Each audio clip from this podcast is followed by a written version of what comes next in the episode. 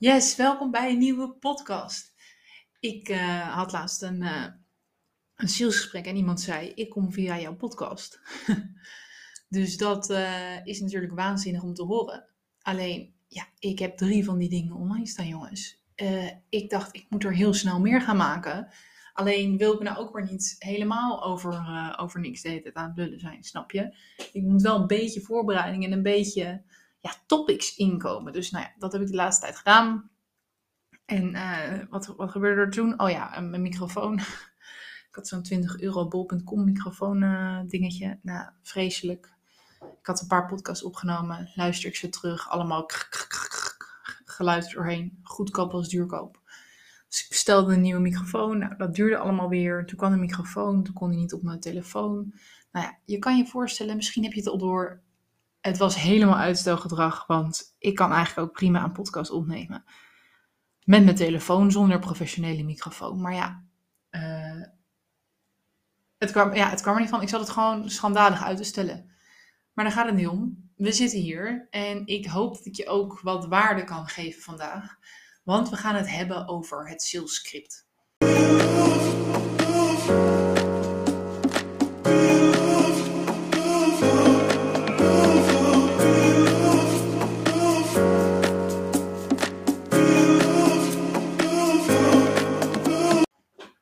Ik, uh, ik had laatst een, uh, een, klant en die zei: Kan je mij geen sales script geven?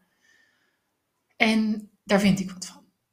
Om te beginnen, eventjes met de mijn definitie van een sales script. Dat is in mijn ogen. Hè, ik, ik denk dat de definities daarover verschillen, dus laat ik daar beginnen. In mijn ogen is een sales script, uh, wat ik zie, wat ik hoor, een, een script wat exact elke zin die jij moet zeggen heeft staan. Dus opening, uh, vraag hoe het gaat, uh, doe dit en dat, uh, praat over het weer, et cetera. Nou ja, in het middenstuk ergens, vraag door, echo wat ze zegt, doe dit en dat, geef drie tips, tip 1 is dit, tip 2, nou ja, helemaal gedetailleerd dus. En um, helemaal uitgeschreven ook. En ik geloof daar niet in. En dat zeg ik vanuit een plek van ervaring. Want toen ik net begon met het ondernemen, ja, de, de hele online coachingwereld kwam op me af, jongens.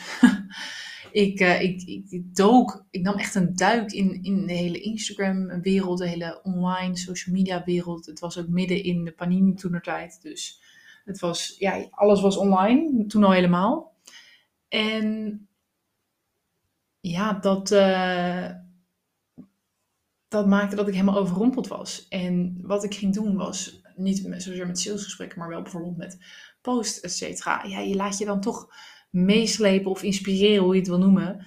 Uh, voor mij was het echt meeslepen in de Instagram-wereld en in posts van anderen. Dus wat zij een beetje posten, daar dacht ik van, oké, dat zal wel werken. Dus ik ging ook een beetje in die stijl posten. Hè? En um, uiteindelijk heb ik nu wat meer mijn eigen geluid gevonden daarin. Maar het is net als je voor het eerst een nieuwe sport gaat uh, proberen, zeg uh, salsa dansen. Ja, dan ga je ook het dansje leren wat de, wat de leraar jou voordoet. Dan ga je ook niet zelf meteen een zieke improvisatie opvoeren daar op die, op die dansvloer, want je hebt nog geen idee. Nou ja, en zo ging het dus ook een beetje bij mij in het begin met ondernemen. En ik denk bij heel veel dat ja, het is een nieuwe wereld. Je doet wat je denkt dat goed is. En zo is het. Dus um, wat ik ook veel zag, was dat er bijvoorbeeld met salescripts dus werd gewerkt. En um, mijn coach van toen, echt een topper. Ik heb zoveel geluk gehad met haar als eerste coach. En zij gaf ook heel veel handvaten voor dan bijvoorbeeld het salesgesprek. En geen salescript, hè. En, en dat waren fantastische handvaten. Gewoon even de indeling. Alleen wat ik daarna zag was heel veel ondernemers, ook veel business coaches. En uh, geen orde daarover, want iedereen doet wat hij denkt dat goed is. Maar met exacte salescripten. En ja, waarom ik er niet in geloof, is omdat toen ik um, zelf dus met die Instagram post dat ging nadoen. Uh, ja, je gaat dan echt geforceerd iemand anders kopiëren. En ik ben van mening dat dat ook zo is in het salesgesprek. Dus dat jij als je een exact script hebt, als je exact um, iets iets voor moet lezen, dat het gesprek dan helemaal niet meer natuurlijk verloopt. En juist in een salesgesprek wil je zo goed luisteren naar wat de ander zegt. En het is voor veel ondernemers al spannend, een spannend moment. Hè? Want op een of andere manier, daar zal ik in een andere podcast nog op terugkomen, hebben we altijd het idee, of we, zie ik veel ondernemers die het idee hebben dat ze een verkoopjas moeten aantrekken. En dan is het salesgesprek natuurlijk het moment dat er, dat er verkocht moet worden. En dat brengt vaak gewoon emoties en spanning met zich mee. Dus als jij dan ook nog eens een heel salesscript moet, moet volgen, ja, ik denk gewoon niet dat, uh, dat dat de weg naar Rome is. Ik denk dat het veel beter werkt als jij gewoon onthoudt van luister goed naar wat de ander zegt. Vat het samen af en toe. Als jij je belooft drie tips te geven van tevoren, geef drie tips en aan het eind vergeet niet je aanbod te doen. En kijk, mijn hele één op één programma is gebouwd om meer ja's in salesgesprekken. Dus ik heb er zelf ook nog wel methodes en ook zeker handvaten in hoe je daar nou uh, ja, beter in kunt worden, meer ja's in kunt krijgen. Alleen ik denk niet dat een salescript daarin het antwoord is. Waar ik dan weer wel in geloof is, hey, maak een lijstje met wat je moet hebben gedaan voor het salesgesprek eindigt. Hè? Dus bijvoorbeeld die um, drie tips die je zou geven, je aanbod, hè? dat je gewoon je aanbod moet doen. Hang die ergens boven het scherm of rechtsonder in het scherm, zo'n notitiebriefje, weet je wel. En zorg dat je het gesprek niet eerder ophangt voor je die punten hebt gedaan. En dit kan ook heel goed werken met bijvoorbeeld um, bezwaren of wanneer iemand zegt: Ik moet nog even nadenken. Als je voor jezelf duidelijk hebt van hé, hey, ik laat iemand, en dan moet ik even goed de woorden kiezen. Want ik laat iemand niet, niet weggaan zonder dat ik die heb getackeld. Dat klinkt misschien een beetje eh, agressief. Zo bedoel ik het niet. Alleen als iemand zegt, ik moet er even over nadenken. Wat zie ik veel gebeuren bij klanten, is dat ze zeggen, oké, is goed. Nou, spreek je later, laat maar weten. Ja, en, en dat, dat is wel zonde. En ik zal daar nu niet te veel op ingaan. Alleen op dat moment denk ik dat je een, een goede kennisondernemer bent. Als je nog iets doorvraagt op dat bezwaar. Uh, en ja, daar is, daar is een beetje ballen voor nodig. Om niet te zeggen, ja, ik snap het, maar even van, oké, even nadenken. Hm. wat, wat maakt dat je nog even wil nadenken? Gewoon dat soort eerlijke en open vragen waarin je de ander eigenlijk heel erg helpt om daarin tot een, tot een nou niet een conclusie, tot een, een punt te komen. Van, hè, oh ja, ik moet eigenlijk hierover nadenken. Oh, nou, en dan kan je diegene helpen daarin. Dus het is niet om iemand agressieve wijze in het salesgesprek te houden, maar wel om iemand ja, daarin te stimuleren. En als je voor jezelf ook hebt van oké, okay, rechtsonder op zo'n post briefje, ik ga niet het gesprek eindigen voor ik minimaal heb doorgevraagd op één bezwaar. Ja, dat maakt natuurlijk ook dat je het sneller gaat doen. Weet je wel? En, en met salesgesprekken is het gewoon dat je, is het vaak zo uitgebreid dat je tijdens het gesprek nog een aantal keer naar, naar die lijst moet kijken. En in mijn ervaring gaat het gesprek daarvan niet soepeler lopen. Dat is het eigenlijk. de spijker op zijn kop. En um, ben je nou iemand die zegt: Het werkt voor mij al jaren fantastisch, het is goed, uh, ik ben er fan van, ja, blijf het dan 100% doen. Alleen merk jij in salesgesprekken van: Dit is niet helemaal, uh, het, loopt niet helemaal lekker mijn conversie is laag. Hè? Te veel mensen zeggen, zeggen nog nee, ik heb te weinig klanten. Ja, kijk dan eens of zo'n salescript jou volledig gaat dienen. Of dat er misschien andere manieren en methodes zijn die beter voor jou werken daarin. Want er zijn meerdere wegen naar Rome, weet je. Zo is het ook, voor ieder wat wils. Alleen, ja, deze podcast is mijn, uh, is mijn visie en wat ik denk. En ik denk dat het je niet 100% dient. Waar ik aan moet denken is ook dat ik uh, jaren geleden, toen ik in Lonis was, oh, heerlijk dat ik ook kan zeggen jaren geleden, want dat is het gewoon Oh, Ik zat laatst te denken, ik ben bijna langer ondernemer dan dat ik in Lonis ben. Nou, er komt meteen een glimlach op mijn gezicht van dat, dat meen je niet. Fantastisch. Maar goed, ik wijk af. Waar waren we nou? Een glimlach, Lonies. Oh ja, in Lonies had ik veel sales trainingen uh, gevolgd ook. Was fantastisch geregeld door een bedrijf. Alleen maar lof ook voor dat bedrijf. Alleen in die sales training, en dat was echt van een bekende, uh, van een bekend Nederlands trainingsbureau, kreeg je ook echt best wel wat je exact moest zeggen. En uh, wel met tactieken. Hè, van, wat was nou de, de hamburger techniek? Argument 1 is het broodje iets positiefs. Oh nee, je begint met iets positiefs. Dan het, het vlees is het, uh, is het, uh, het pijnlijke punt. Dus als je bijvoorbeeld een hoge prijs hebt uh, in, in, in hetgeen wat je verkoopt. En daarna komt er iets positiefs, zodat je het inpakt als een broodje hamburger. Met dan het broodje en het vlees ertussen. Nou ja, goed. Dat soort dingen. En dat zijn handige hacks, want ik weet ze nog steeds. Alleen denk ik dat het, ja, dat het zin heeft. Nou, nee, eigenlijk ja, die sales training heeft zin en uh, iedereen werd er vast wel iets beter van. Alleen ben ik het niet voor niets anders gaan doen. Ik, ik geloof dat er andere manieren zijn waarop het veel leuker en makkelijker wordt voor jou. En ik zal uh, binnenkort in mijn, in mijn nieuwsbrief daar nog een, uh, een tipje van de sluier in, in oplichten wat ik daarmee bedoel. Maar goed, er zitten al best wel wat tips in deze podcast hè, met, dat, met dat briefje onderin, rechts onder in je scherm. Probeer dat, test het uit en um, ja, ik zou het waanzinnig vinden als je deze podcast goed vindt. Uh, en je denkt, nou Jill, je hebt wel een punt. Uh, kom maar lekker uh, volgen op Instagram, LinkedIn. Ehm, wat wilde ik? Oh ja, nieuwsbrief. Daarin zou ik er nog verder op doorgaan komende weken. Die nieuwsbrieven komen ook als blog daarna nog op mijn site. Dus kan je hem altijd weer teruglezen als je hem hebt gemist. Uh, slash blog. En ja, ik hoop je weer te zien in de volgende podcast. Yes, en welkom bij een nieuwe podcast. Dit is echt typisch ik, die dan uh, helemaal een podcastmicrofoon, alles heeft gekocht en uiteindelijk tot de conclusie komt dat het toch beter gaat in de auto. maar ik, in plaats van veel boeken lezen, luister ik altijd boeken en ook podcast. En ik was nu een podcast aan het luisteren van uh, Ben Tigelaar. Nou ja, het ging, ik ben heel erg van, als je me wat langer kent, dan weet je dat ik heel erg van de psychologie uh, ben. En vandaar ook uh, sales coach komt van onderhandelen, onderhandelingscoaching. Hè? Uh, een beetje die hoek. Omdat ik denk dat we heel erg veel kunnen met de psychologie, hoe ons brein werkt.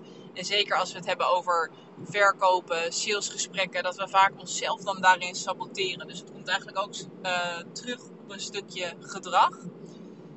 En nou, daar luister ik dus heel veel podcast over. Nu was ik een podcast, die ik net zei, van Ben Tichelaar aan het luisteren. En daar ging het over dat in onze gedachten. En ik dacht, ik, deel het even, want wellicht luister jij niet elke podcast van Ben Tichelaar. En vind je wel de verkooppsychologie interessant? Wil je meer klanten? Wil je meer ja's in salesgesprekken? Of gewoon sowieso beter worden in salesgesprekken?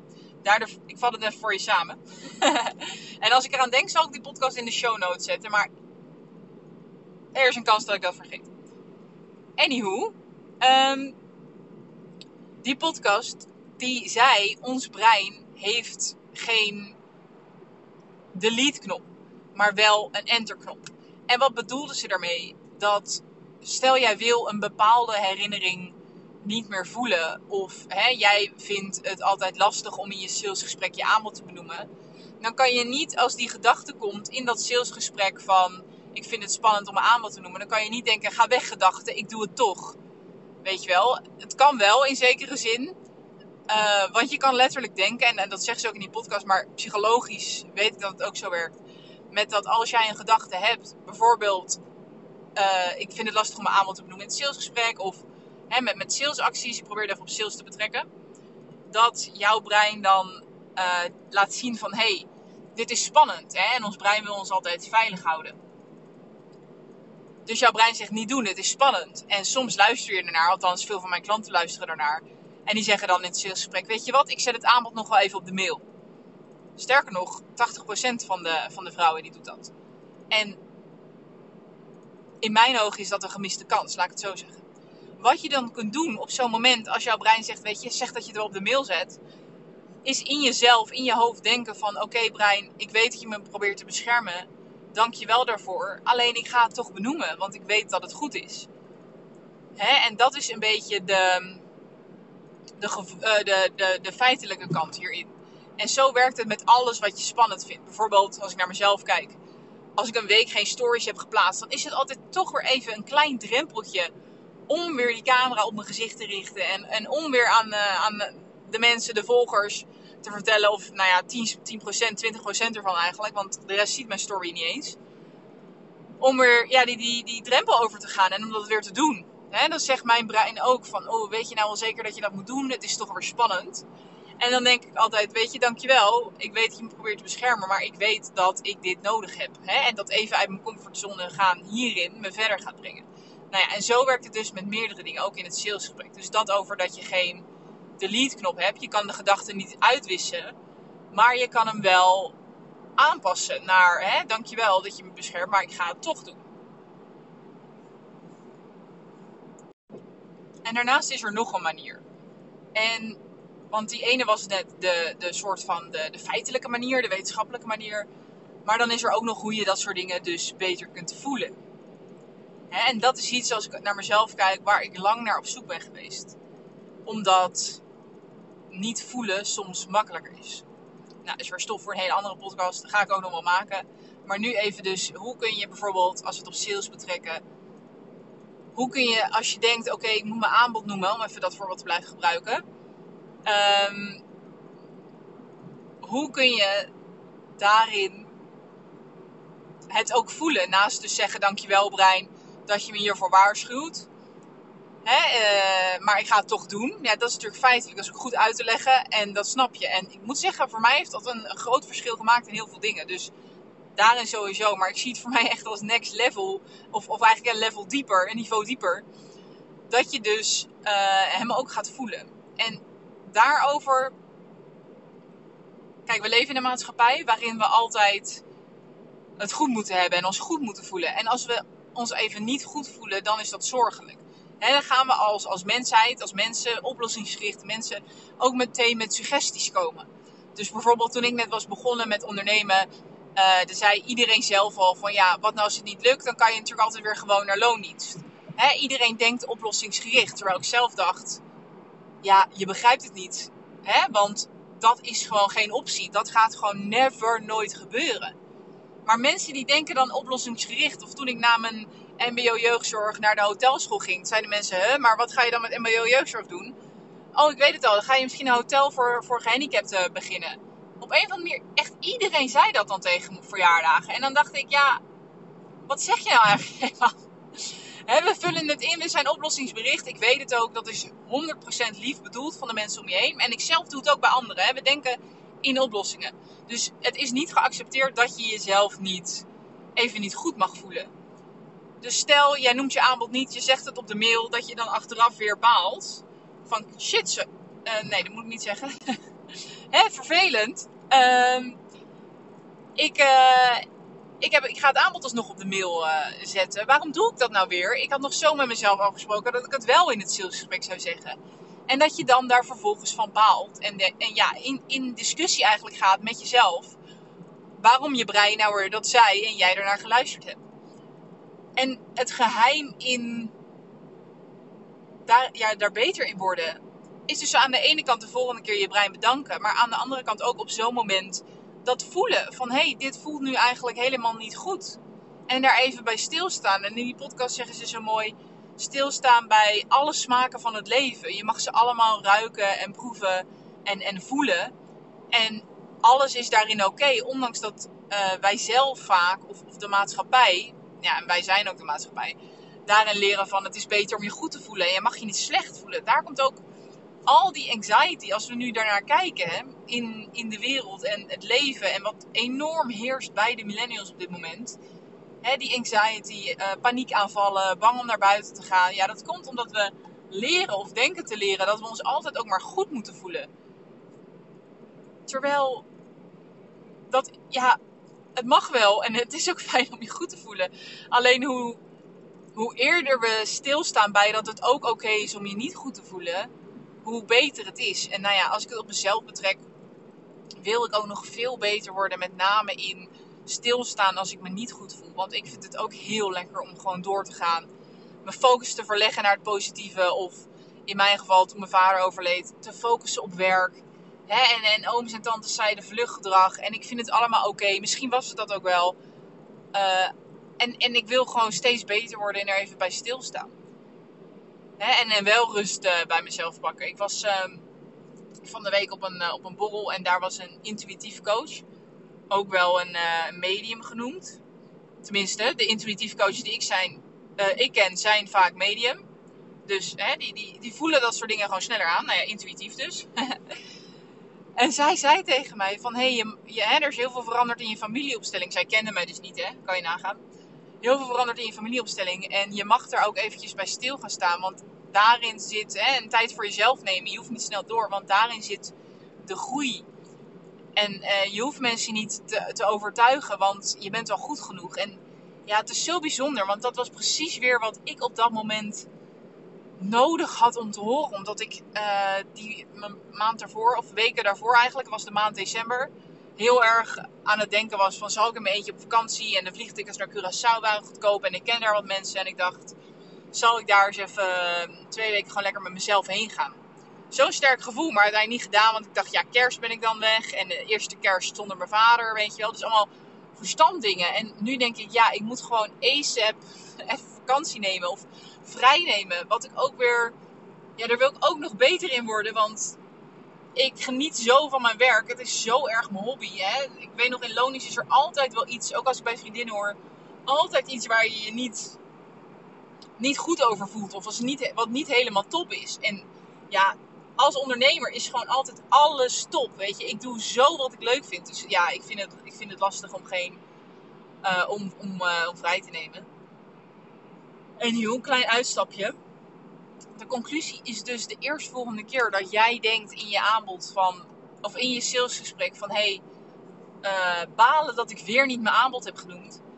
Kijk ook eens naar het voelgedeelte en, en onderzoek dat gevoel. Geniet van dat gevoel, want dat is eigenlijk een teken dat je klaar bent om te groeien. En, en dat je in ieder geval je bewust bent van hè, dat dat je niet meer ergens gaat brengen. En dat is eigenlijk ook heel mooi. En daarnaast wil je eens kijken naar hoe je dat wel kan doen. Oh, lampje ging af. Um, kom dan een keer naar mijn gratis masterclass of boek eens een salesgesprek bij me. Want dan kijk ik met je mee. Vaak kan ik al een aantal simpele tips je in laten zien hoe je meer ja's uit je salesgesprek kunt halen. En dat is iets ja, wat ik jou gun.